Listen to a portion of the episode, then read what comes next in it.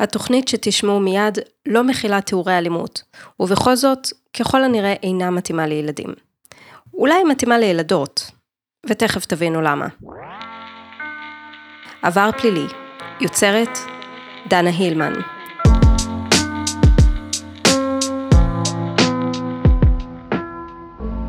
קודם כל, שלום! הרבה זמן עבר מאז הפרק הקודם, נגיף הסרטונים.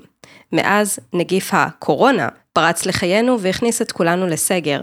מה שהשליך כמובן על היכולת שלי ליצור, ועל היכולת שלכם, אני מניחה, להאזין לפודקאסטים, או באופן כללי להתרכז במשהו במיוחד. בכל אופן, אני שמחה שאתם איתי כאן עכשיו, וללא הקדמות מיותרות, בואו ניגש לפרק של היום. אם האזנתם לפרק הקודם, שמעתם את ים קטל שתיארה בפנינו את ההשלכות הקשות של הפצת הסרטון המיני שלה על ידי בן זוגה לשעבר, ואת המאבק שניהלה כנגד התופעה, וחלקה בקידום חקיקה בנושא. בינואר 2014 נכנס לתוקפו התיקון לחוק למניעת הטרדה מינית, או בשמו השגור חוק הסרטונים. התיקון קובע כי פרסום תצלום, סרט או הקלטה של אדם המתמקדים במיניותו בנסיבות בהן הפרסום עלול להשפיל או לבזות אותו ולא ניתנה הסכמתו לפרסום, מהווים הטרדה מינית. העונש על העבירה הזו הוא עד חמש שנות מאסר. ויש גם הנחיות מפורטות לאכיפת התיקון לחוק, שפורסמו בפברואר 2017 על ידי פרקליטות המדינה. ההנחיות מפרטות דגשים לאופן בו יש לנהל חקירה בנושא על ידי המשטרה, ומהם השיקולים בהעמדה לדין על ידי הפרקליטות. סעיף חשוב בהנחיות אומר שבכל מקרה של שרשרת פרסום רבת חוליות, שתי החוליות המרכזיות שיש לחקור הן החוליה הראשונה, שהחלה את הפרסום, והחוליה שהפיצה את הפרסום ברבים. סעיף 13 במסמך מדגיש את החשיבות של ניהול חקירה מהירה ככל הניתן. אבל רגע, אם כך, למה כמות כתבי האישום שהוגשו בגין העבירה הייתה קטנה כל כך? במענה לפנייתי למשרד המשפטים לפי חוק חופש המידע, מאז שנת 2014 ועד למועד קבלת התשובה באוגוסט 2019, הוגשו רק 60 כתבי אישום שמכילים עבירה לפי חוק הסרטונים. כמובן, ייתכן שמדובר בסיבות טכניות לחלוטין. אולי המשטרה כן חוקרת במרץ עבירות כאלה, ואולי יש איזשהו הסבר מניח את הדעת אחר. יודעים מה? אולי. אבל אולי זה משהו אחר. יש לך עותק של המכתב הזה? כן. אני אשמח אה, אם תוכלי לשלוח לי בוואטסאפ, זה ממש, זה, זה הזוי, שהם שולחים מכתב עם תאריך ש... וואו. כן, המכתב הזה בכלל מוזר, במכתב הזה רשום שהתיק נפתח ונסגר באותו יום. אין שום כבוד. הכל זה חלק מהדרך שלי, אני בטוחה גם אם אין הבטחה. עכשיו אני רצה לתת התשובה לכל מה שקרה, ואסור לוותר, כי תמיד הייתה לי משימה. מאמינה בשינוי בצורה הקשה, לא חשבתי... לבדוק עד כמה חוק הסרטונים נאכף, לא היה הסיבה היחידה שבגללה פניתי למשרד המשפטים. משהו אחר ומסעיר קרה ביולי 2019, שדחף אותי במידה רבה להגיש בקשה לפי חוק חופש המידע. ב-17 ליולי 2019 דווח כי המשטרה בקפריסין חוקרת תלונה של תיירת בת 19, שטוענת כי עברה אונס קבוצתי בבית מלון באיה נאפה, בידי נערים ישראלים. ישראל נכנסה לסחרור. קונסול ישראל בקפריסין, יוסי וורמברנד, התראיין כמה ימים לאחר מכן ואמר, ציטוט: אנחנו משתדלים לעזור במה שאנחנו יכולים. אנחנו מקווים שהאירוע הזה יסתיים כמה שיותר מהר. סוף ציטוט. למחרת, במהלך תוכנית רדיו בשם הקבינט בתחנת הרדיו 103 FM, בפאנל גברי לחלוטין, בשיחה על האירוע ועל חקירת החשד לאונס, אמר רוני דניאל, ציטוט: היא הייתה רגילה לשלושה, ופתאום 12. זה השבר? סוף ציטוט. הוא פרסם מעין הבהרה לאחר מכן, לאחר שיותר מ-700 תלונות הגיעו לרשות השנייה בגין אותה התבטאות מקוממת. בסיומה הוא כתב, אם הובנתי אחרת, אין לי אלא להצטער ולהתנצל. סליחה רוני שנאלצת להתנצל בשל קשיי ההבנה שלנו. התוכנית מתוארת כמעין מפגש פסקה של רוני דניאל, אלון בן דוד ויואב לימור. שלושה מומחי צבא וביטחון, לדון על נושאי, well, צבא וביטחון.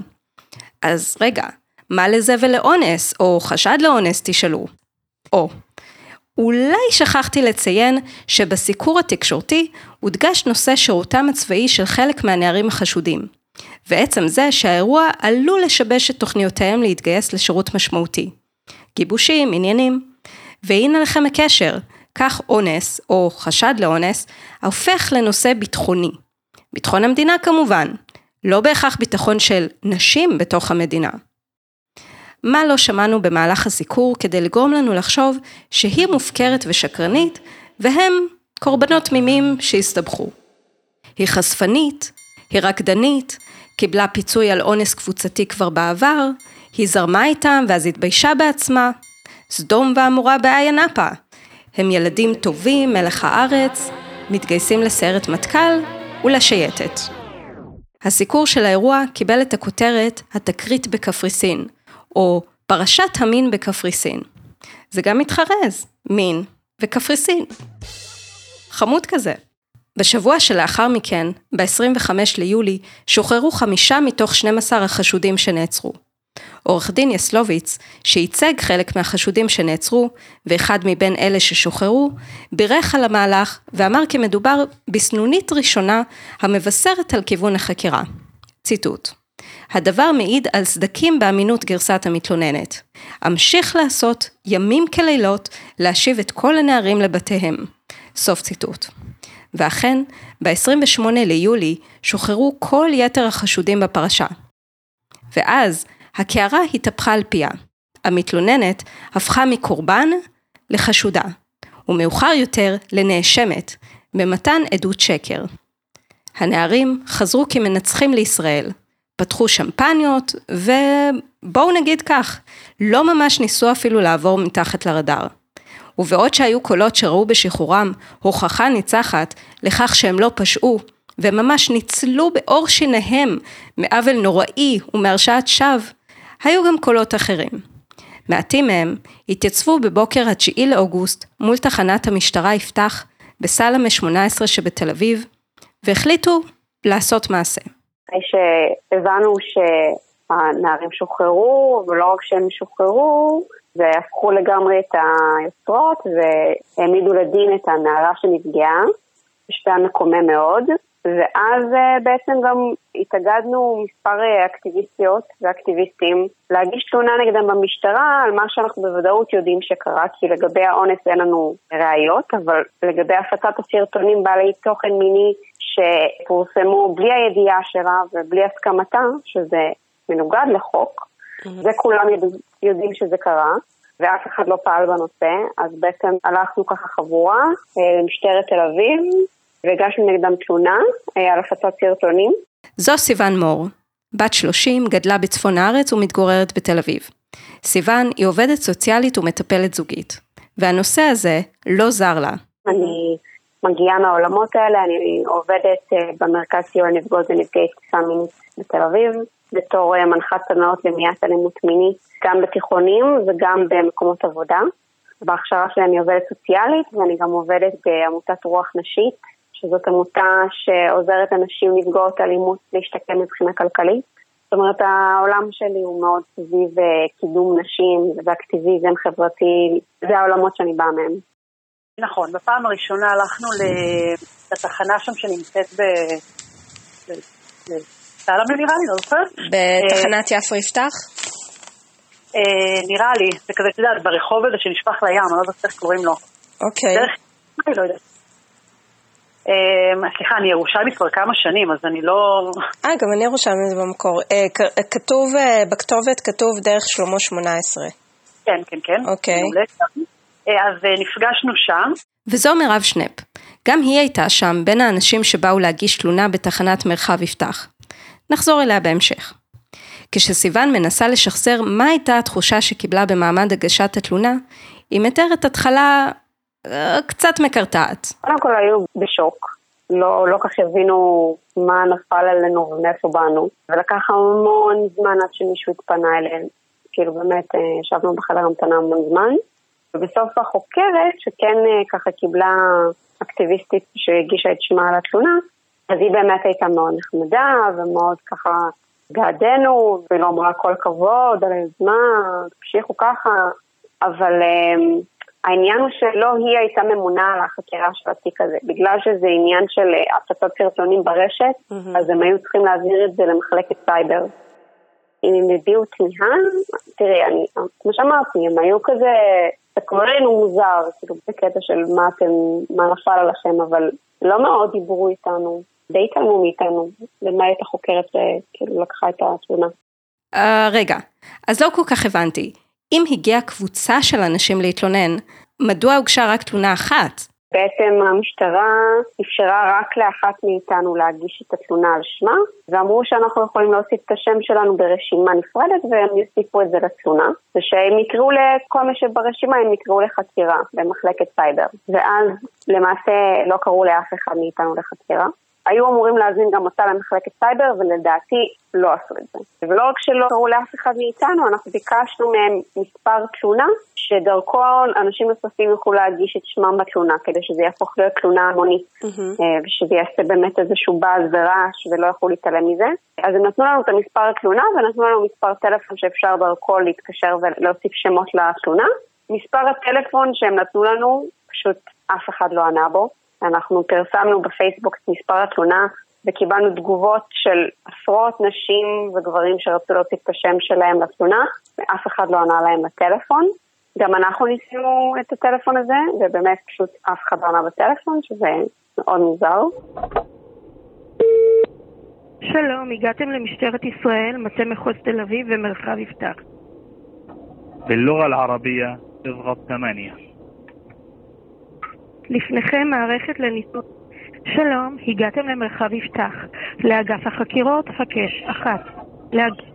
שלום, הגעתם לחקירות מרחב יפתח. למרכז שירות לאזרח, חקש, אחת. לרישום פלילי ומוצגים, חקש, שתיים.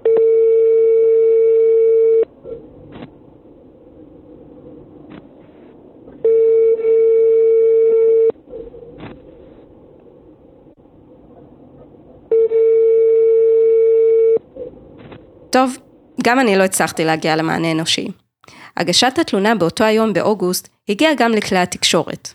אני נתקלתי בידיעה במאקו, במדור הנשים. בין היתר נכתב, ציטוט: במשטרת ישראל הוגשה הבוקר תלונה רשמית נגד הפצת הסרטונים מאיה נאפה בוואטסאפ ובאתרים למבוגרים. התלונה הועברה ליחידת פשעי סייבר. כיוון שרשויות החוק לא פתחו בחקירה כמצופה מהם, לא נותר לנו אלא להזכיר להם את תפקידם, אמרה אחת ממגשות התלונה. גורם במשטרה, הסיכוי למצוא את האדם הראשון שהפיץ את הסרטונים נמוך מאוד. סוף ציטוט. כביכול איזשהו שוטר שהגיב ואמר בעצם ביחס להגשת התלונה, שאין לזה סיכוי, אין סיכוי אה, לאתר את כל החוליות המפיצות, ולא רק זה, וגם האירוע לא אירע בישראל, כל מיני טענות כאלה שמי שבקיא בחוק באמת מבין שזה לא טענות שהן אה, רלוונטיות, נכון. אבל טענות אה, נכון. שאני תהיתי אם אתם נתקלתם בזה בעצם בזמן הגשת התלונה. ניסו כזה להוריד אתכן. אה, לא, האמת שבזמן הגשת התלונה לא, לא נאמר לנו דבר כזה, אבל מה שבאמת את מדברת עליו שהשוטר אמר, אני יודעת את זה, Mm-hmm. ובגלל זה הקדמתי ואמרתי שאם זה היה עניין של, אה, את יודעת, אה, אה, עניין מדיני, שהיה יכול להוות איזושהי סכנה למדינת ישראל, אז בשנייה היו מוצאים מי הפיץ את זה. כן. זאת אומרת, מחלקת סייבר ישראלית היא בין הטובות בעולם. משתמשים במחלקת סייבר שלנו ברחבי העולם נעזרים בנו. הטענה הזאת שאי אפשר לאתר את מי הפיץ את זה, זו טענה שאין לה בסיס. Mm-hmm. ובטח ובטח לומר שבגלל שזה לא קרה למדינת ישראל, אז זאת לא עבירה בישראל, זה לא נכון. חוקית זה לא נכון. כן. אבל זה שהמשטרה דפדפה את זה, זה פשוט מעיד על איזשהו הלך רוח כללי שיש בחברה שלנו, שהיא מאוד סבלנית כלפי פגיעות מיניות, ומאוד מקבלת פגיעות מיניות חלק אינטגרלי מהיום-יום, ולא עושה הרבה מאמצים כדי למגר את התופעה. הסיכוי לאתר מפיצים אולי לא גבוה, אבל אתם יודעים למשל מה לא עוזר ולא מעלה את הסיכויים? לחכות. ככל שהזמן חולף, ניתנת ההזדמנות למעורבים בהפצת הסרטון לשבש ראיות. ותשמעו, אני סתם זורקת כאן, אבל אולי היה שווה להתחיל עם, נניח, הנערים ששהו באותה זמן בחדר 723 במלון באיה נאפה. תכלס, יש הרבה פרטים. כאילו גם אז, זה היה לפני הרבה זמן כבר, אבל גם אז כבר היו שמות, היו ידיעות, כאילו היו דברים, אבל כאילו כל הזמן המשטרה אה, מין רכבה על הגל הזה של לא יודעים מאיפה זה בא, תכל'ס זה היה ברור שהם גם פשוט מנסים להוריד אותנו, לייצר להם עוד ניירת. אז אז זה מאינטרס שלהם להגיד שבסוף הכל מתקבץ לתלונה אחת ושלא עכשיו נחפור להם בעוד תלונות. Mm-hmm. אבל בכל מקרה, בגלל שרצינו כן אה, לייצר לזה נראות או לייצר קצת לחץ בתוך המערכת במידת האפשר, אז פשוט מי שיכלה הלכה להגיש גם תלונה. וניגשתי בירושלים בתחנת לב הבירה. זו מירב שנפ, בת 32, ירושלמית, עובדת בגן הבוטני. מקדמת פרויקטים שעוסקים בצדק חברתי וסביבתי, ומעורבת בפעילות המקדמת שוויון לקהילה הגאה. הפסקת חסות, וכבר חוזרים. הפרק בחסות משק הילמן, ירקות טריים. תקופת הקורונה מאחורינו או לא? ימים יגידו. אבל בחודשים האחרונים יותר ויותר ישראלים גילו, וממשיכים לגלות, עד כמה טרי וטעים בהרבה לקנות ירקות ופירות ישירות מהחקלאים. משק הילמן ממוקם במושב בית אלעזרי שבשפלה, ומוכר בימים כתיקונם את התוצרת שלו לכמה מהמסעדות המובילות ביותר בארץ. המסעדות הושבתו בזמן הסגר לפי הנחיות משרד הבריאות, אבל מסתבר שזמנים קשים מובילים לשינויים שלפעמים הם מבורכים. וכך קרה שהתוצרת המעולה הזו של משק הילמן נעשתה סוף סוף זמינה גם לנו. וכשאני אומרת לנו, אני מתכוונת גם אליי. תאמינו או לא, למרות שאני קרובה לצלחת, לפני המשבר לא ממש התנסיתי בתוצרת של המשק המשפחתי. בשנייה שהבנתי שמציעים משלוחים עד לבית, ביצעתי הזמנה באתר ההזמנות של המשק, והחוויה הייתה לא פחות ממושלמת. ירקות ופירות טריים ישר מהחקלאים זה טעם אחר, זה פשוט מראה אחר. השירות אישי ואדיב, וגם, חשוב לזכור, קנייה ישירה היא הבעת תמיכה בחקלאים הנהדרים של ישראל, ומבטיחה שימשיך להיות לכולנו היצע מגוון ואיכותי. משק הילמן בבית אלעזרי, ירקות טריים מהחקלאים אליכם. באתר ניתן לבחור האם לבצע הזמנה לאיסוף עצמי בחינם, או במשלוח עד לבית, אם אתם גרים בשפלה, במרכז או באזור תל אביב, ואתם פחות אוהבים לצאת מהבית, כמוני. אני כל כך רוצה שתחוו בעצמכם את הטריות המרעננת הזאת, שדאגתי לסדר לכם, מאזיני עבר פלילי, קוד קופון מיוחד. כל מה שתצטרכו לעשות זה להקיש באתר ההזמנות קוד קופון פלילי, באנגלית. זה PLYLY, כדי ליהנות מהנחה של 10% על ההזמנה שלכם. שוב, קוד קופון PLYLY. תהנו. לינק לאתר הזמנות תמצאו בהערות הפרק ובדף הפייסבוק של עבר פלילי. כחודש לאחר הגשת התלונה הראשונית בתחנת יפתח בתל אביב, מירב ניגשה לתחנת לב הבירה בירושלים והגישה תלונה עצמאית, בשני לספטמבר. כירושלמית, שגרה באותה העיר בה מתגוררים המעורבים העיקריים בפרשה, ובראשם הכדורגלן, מירב לא הצליחה להתגבר על התחושה המטרידה שיש, לא רחוק מביתה, אנשים שהצליחו לחמוק מהדין. בהנחיות פרקליט המדינה לחקירה והעמדה לדין בגין העבירה, מצוין במפורש שיש לפעול במהרה וללא דיחוי, בעיקר היות ועל עבירה שבוצעה בידי קטינים, חלה התיישנות לאחר שנה אחת בלבד. אבל, כנראה שהנחיות לחוד ומעשים לחוד. בעצם העילה שלי שאני רוצה לתבוע אותם בשם, כאילו בשם עצמי, שאני לא מעוניינת להסתובב בירושלים, ושהאנשים האלה לא מיצו איתם את הדין. כאילו שאני וכל שאר האנשים, אנחנו גם בסכנה. וגם כמובן על זה שיש חוק שאומר שאסור להפיץ סרטונים, זו ידיעה של אדם, ושאין שום סיבה כזה להחליק את זה. התחושה מול החוקר הייתה מבטיחה למדי.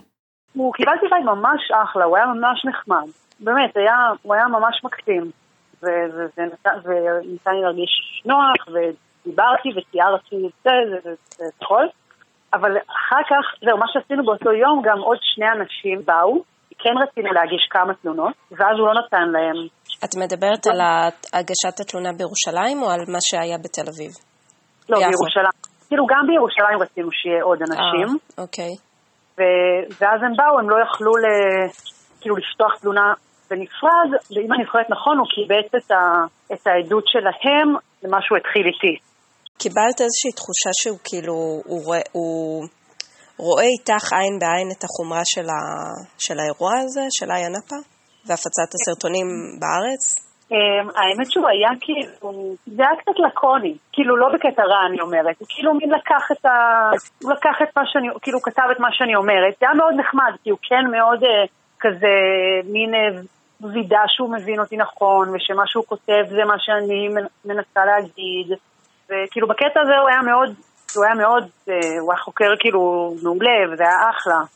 סתם, אני זוכרת שבסוף, כזה, שאלתי אותו מה, אם, אם, כאילו סתם, את יודעת, אני אין לי ניסיון בדבר הזה, סתם כאילו, בסוף יושבת מול בן אדם, ואני זוכרת ששאלתי אותו אם הוא חושב שתהיה בסדר.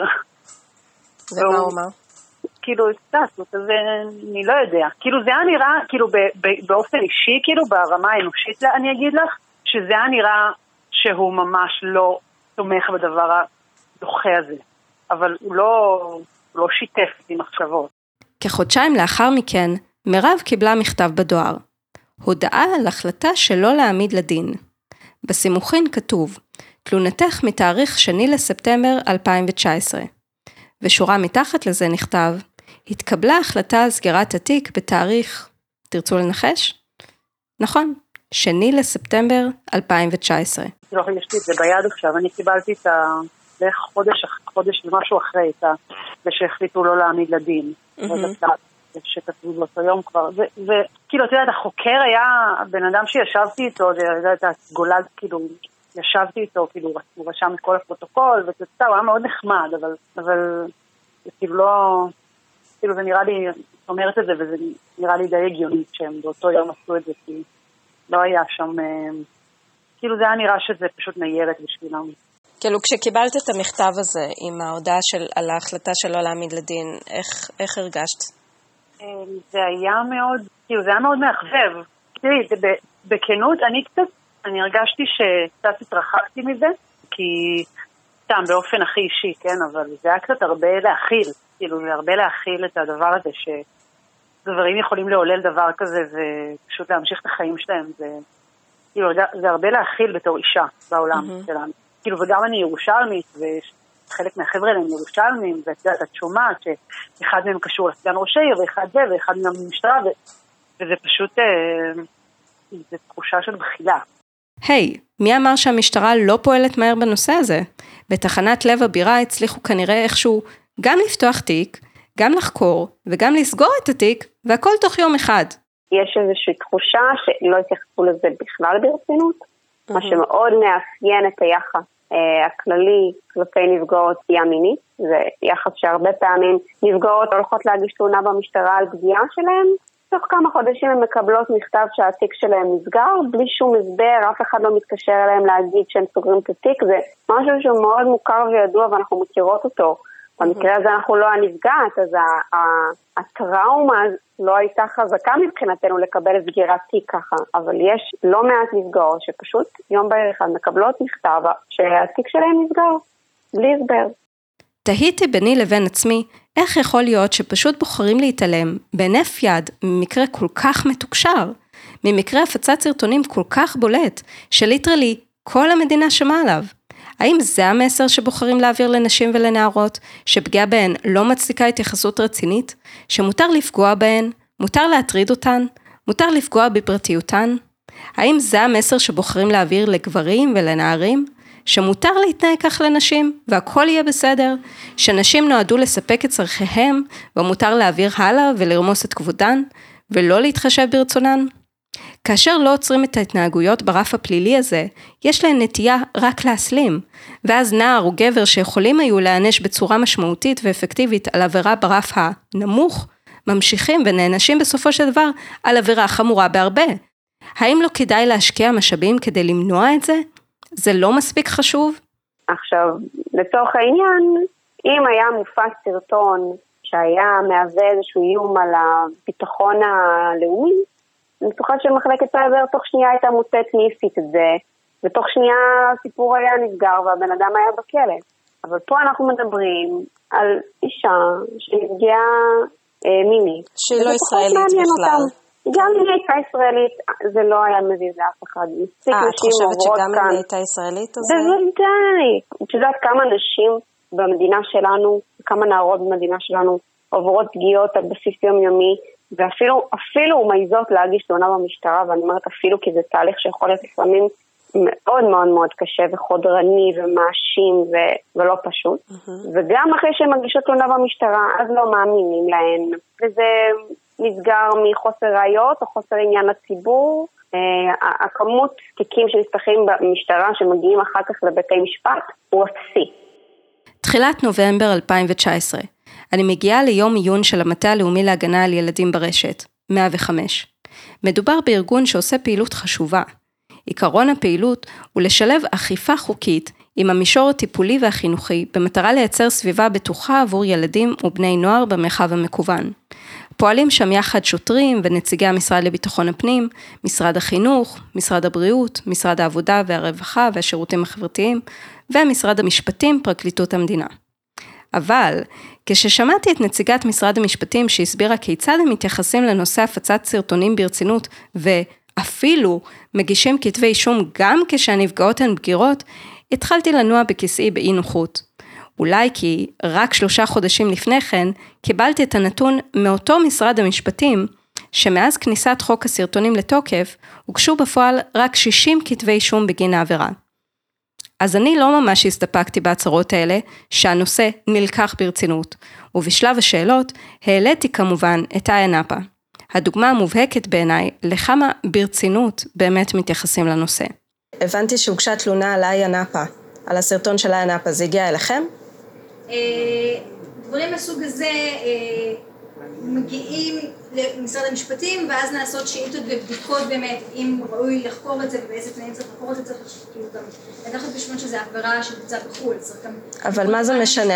החוק- הוא בינלאומי, לא? יש את העבירות חוץ, עבירות פנים, צריך אה, לקבוע באמת האם מדובר בעבירת חוץ ועבירת פנים, אבל זה מסוג- זה מסוג השאלות לא כדאי, השאלה היא עקרונית, לא כדאי לקחת מקרים בעלי פרופיל גבוה כמו זה, ולעשות מזה דוגמה למען יראו וייראו, שלא יהיה יותר מקרים כאלה? לא- כי הם חזרו לא לארץ כמו, הם. חזרו לארץ כמו מנצחים, והנה, והסירו את כל החשדות. אני מקווה שהצלחתם לשמוע שם ברקע, נציג של 105 אומר, לא ניכנס לזה. Mm, אני לא בטוחה שאני אקבל עוד הזמנות להשתתף בימי עיון של 105 בעתיד הקרוב. גם נציגת משרד החינוך ישבה שם בפאנל, וניסתה להסביר את הטייק שלהם לתופעה. אה, מה הייתה ההתייחסות של משרד החינוך? מה, זה אומר? אה, אה, מה לא לגיטימי, מה לא ערכי. לדבר על הדבר הזה, על כל הנושא של הפצת תמונות, של פגיעה באחר. בוודאי. אבל אנחנו רואים שזה קורה שוב ושוב ושוב. זה נראה, שהאכיפה והמניעה, לא יודעת, איכשהו לא, לא עוברים, לא חודרים. אי אפשר להגיד את זה באופן מוחלט, אבל זה, זה התפקיד שלנו כהורים וכמחנכים, להמשיך, לדבר, להבין את העולם שלהם, לשוחח עם הילדים על המקום שלהם ברשת, ולהתקרב כמה שיותר לעולמם כדי להמשיך את ההסברה הזאת ולמנוע את הפגיעה הבאה. הם מקיימים אה, שיחות עם ההורים שלהם. ברגע שהפוגע מאותר, אז אה, ומתוך הבנה שהילד הוא באחריות ההורים שלו, אנחנו יוצר, יוצרים קשר עם ההורים שלהם, ומתוך הבנה שהם אלו שצריכים להמשיך לשוחח איתם, להיות מודעים לגבי ההתנהגות של הילדים שלהם, ולמנוע באמת את ההתנהלות הפוגענית, כדי, הבאה, כדי שבאמת היא לא תחריף ולא תסלים, כדי שלא יגיעו למצב של עבירה. זאת אומרת, השיח עם ההורים הוא שיח באמת במקום של הילד שלכם עשה ככה וככה, ואולי זאת הזדמנות עבורכם לדבר עם הילד שלכם על מנת שהוא יהיה יותר טוב, להתנהל בצורה אה, שקולה יותר, לפי שיקול דעת. אבל לפי מה שהבנתי, ההורים הרבה פעמים מגינים על הילדים שלהם אני ואומרים, רוצה לומר לך שבשיחות... ולא לוקחים אחריות. השיחות, אני- זה- כוללני, בשיחות זה- עם ההורים, אני אגיד לך מה, מאחר ואנחנו לא יוצרים קשר ממקום מאשים, כן, אלא ממקום שאנחנו בואו נתגייס כולנו כדי להגן גם על הפוגע, גם על הילד שלכם, כן, מהמקום הזה, אז הם נרתמים, מתגייסים ומשתפים איתנו פעולה. לדבר, להקשיב, להבין את עולמם. למה? למה אני כאישה וכאם לבנות צריכה להבין את עולמם של פוגעים מיניים? אולי הגיע הזמן שהם צריכים להבין את עולמי? אבל זה לא הפתיע אותי הגישה הסלחנית הזאת של רק דיבורים ללא מעשים. זה אותו משרד החינוך שקלט אליו בחזרה נערים שנחשדו באונס קבוצתי ובהפצת סרטון מיני של נערה מהמרכז, ושהוגדרו על ידי השופט כבעלי מסוכנות מינית, אבל הם חזרו ללמוד בבית הספר בן גוריון בנס ציונה. זה אותו משרד החינוך שנטפל לילדות ולנערות עם מכנסיים קצרים, אבל לא מפגין אפילו עשירית מאותה נחישות ודבקות במשימה בלחימה באלימות מינית. אחת הטענות שנשמעו בתיק בקפריסין ובאופן כללי הרבה פעמים, זה אנחנו לא רוצים להרוס להם את החיים, לפוגעים, mm-hmm. לבנים, ומתעלמים לגמרי מזה שהם הרסו לאישה את החיים שלה. זאת אומרת, היא עכשיו בפוסט טראומה, שיכול לגמרי להרוס את החיים מעכשיו והלאה, אבל אה, את הילדים לא רוצים להרוס להם את החיים, את הבנים, כאילו לא רוצים לגעת בהם. כאילו יש, יש באמת איזו תפיסה עדיין ש... שמאוד זה... מאשימה את הקורבן, שמאוד לא מעודדת אכיפה נגד פוגעים. וגם בואי נגיד שבעצם הם הרסו במו ידם את uh, החיים של עצמם, שיקחו אחריות על המעשים שלהם. Oh. זה נראה לי מאוד בסיסי. זה לא שאנחנו הורסים להם את החיים, הם עשו מעשה והם צריכים לשאת בתוצאות, זה... ככה הדין הפלילי עובד. תראו, אני לא מומחית גדולה בחינוך, אבל דבר אחד אני יודעת, ילדים לומדים הכי הרבה לא ממילים שמבוגרים אומרים להם, אלא מצפייה בהתנהגות שלהם. וכל נער וכל נערה שרואים כיצד מטפלים במקרים מהסוג הזה, לומדים מכך הרבה. כאשר אנחנו לא מוקיעים את המעשים הללו, ולא במילים, במעשים, זה כאילו שאנחנו תומכים בהם. זה מנציח תופעות שאנחנו לא מעוניינים בהן. זה לא רק זה, הדבר יוצר זליגה לדור הבא ולפגיעות מיניות במרחב הווירטואלי בגילאים הולכים וקטנים. ילדות ונערות לומדות שאין טעם להתלונן, משהו שהרבה נשים, לצערי, יודעות כבר מזמן. ושקל כאילו אה, להתקשר לתחנה, לברר יותר פרטים, כאילו מה, למה סגרו את התיק, למה בעצם החקירה נסגרה? האמת שמאוד תכננתי לעשות את זה, כאילו במשך ימים ניסיתי להתקשר ולא הצלחתי לתפוס אותם בטלפון ו...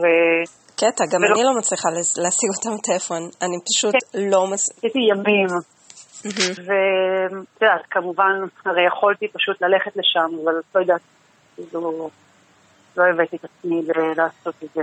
כמו שציינתי בשיחה עם מירב, גם אני לא הצלחתי להגיע למענה אנושי בתחנה, במשך הרבה ניסיונות. אבל החלטתי לעשות עוד ניסיון אחד אחרון, רק בשביל הפרוטוקול. שלום, הגעתם לתחנת לב הבירה. במקרה חירום, אנא נדקו וחייגו 100. לעברית, ענק, יש אחת. לערבייה. שלום, הגעתם לתחנת לב הבירה. במקרה חירום, אנא נתקו וחייגו 100. לרשותכם מערכת לניתוב שיחות. למשרד החקירות, לקבלת מידע לגבי תיק החקירה, הינך מוזמן להגיע לכל תחנת משטרה עם תעודה מזהה. לנושאים אחרים בתחום החקירות, אנא לחץ אחד. למשרדי הסיור,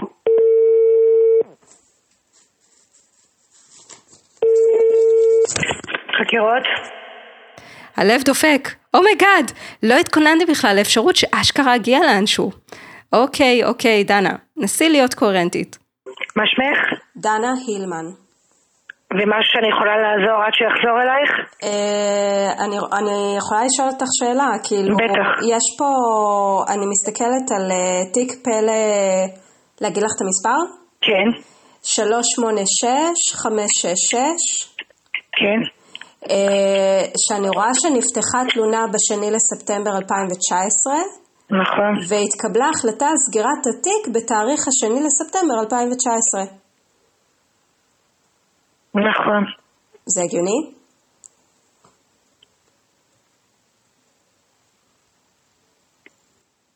אה, מה את קשורה לתיק הזה?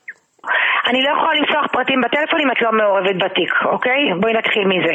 אבל מה שאני כן יכולה להגיד, זה גם אם תיק נסגר, אפשר תמיד להגיש ערר על הסגירה שלו. לרשום מכתב, לשלוח אלינו נתח מספר פקס עם נימוקים שהם לא מבינים מדוע זה נסגר, אם יש א', ב', ג', ולשלוח אלינו. אני אעביר את זה ליואב, שיבחן את זה שוב. אם הוא עדיין יחשוב שהתיק צריך להיות סגור, אנחנו מעבירים את זה הלאה לקצין מעבר. אוקיי? אוקיי, אבל יש לי שאלה עקרונית. איך זה הגיוני? אני לא שופטת כרגע, כן? אבל האם זה סביר והגיוני לפי דעתך ולפי הניסיון המקצועי שלך, שתיק נפתח ונסגר באותו היום. אני לא יכולה לענות לך על זה, דנה. קצין חקירות ישב, עבר על התיק, החליט מה שהחליט, אם הוא הפסיק באותו יום או לא, אני באמת, אל תשאלי אותי דברים כאלה. זה כתוב במכתב. אז אני לא יכולה להגיד לך אם זה הגיוני או לא, יש פה קצין שהחליט לסגור את התיק, עבר על התיק באותו יום שהוא נפתח, וזה מה שהוא החליט. שלחי פקס, תרשמי נימוקים, תגישי ערעור, תלחמי, תגיעי לתחנה. מצופה הרבה ממתלוננות. המערכת מתישה אותן שוב ושוב, ומפגינה שוב ושוב יחס מזלזל כלפיהן. אז פלא שאחוז הדיווח על עבירות מין, שרובן המוחלט של הנפגעות מהן נשים, הוא מזערי? פלא שכמות כתבי האישום שהוגשו בגין עבירה על חוק הסרטונים הוא כל כך נמוך? אני דנה הילמן, יוצרת וכותבת עבר פלילי. תודה רבה לסיון מור ולמירב שנפ שהתארחו בפרק. ככל שיהיה מה לעדכן לגבי מה עלה בגורל התלונה, אני אעדכן על כך בעמוד הפייסבוק עבר פלילי. תודה גם לנותני החסות והחסות של הפרק, משק הילמן ירקות טריים. זה היה הפרק האחרון של עבר פלילי לעונה השנייה. אבל ממש בקרוב יעלו פרקים מיוחדים, special אם תרצו, שאני חושבת שאתם תהנו מהם, ויהיו ככה קצת יותר קלילים ו fun. בכל זאת, קיץ. ודאו שאתם רשומים לפודקאסט על ידי כפתור ה subscribe. אם אהבתם את הפרק ואתם נהנים מהפודקאסט, תנו לו דירוג של חמישה כוכבים ורשמו מספר מילים ב Apple review, או באפליקציה דרכה אתם מאזינים כרגע. ספרו לחברים על הפודקאסט ואמרו להם להירשם. את עבר פלילי ניתן למצוא ב Apple, Spotify, Castbox, Podcast Addict ובכל אפליקציה מוכרת להאזנה לפודקאסטים. אתם יכולים לתמוך בפודקאסט על ידי הפיכה לפטרונים. לינק לעמוד ה Patreon תמצאו בהערות הפרק. דרך נוספת לתמוך בפודקאסט היא דרך תמיכה בנותני החסות לפרק. זה מה שמאפשר לי להמשיך ליצור תוכן איכותי. לפודקאסט יש גם בלוג שמלווה אותו, בכתובת criminalrecordpodcast.blogspot.com. הבלוג מכיל הן את פרקי האודיו להאזנה והן את הטקסט המתומלל, ועוד כמה בונוסים. בקיצור, שווה בדיקה. אם אתם עדיין כאן, סימן שאתם פליליים בנשמה, ובמקרה כזה אני אספר לכם שיש לנו קבוצה. חפשו בפייסבוק עבר פלילי מדברים על פשע אמיתי. יש לכם חברים שמכורים לפשע אמיתי? מעולה, כיף לכם. צרפו גם אותם. סדרת הפודקאסט פשע של ישראל, עבר פלילי, זה מעניין רצח. אהרוני, מה אתה עושה שם עם הסכין? אנחנו נשתמע בפרק הבא, בתיק הפשע הבא. עד אז, המשך יום צודק לכם.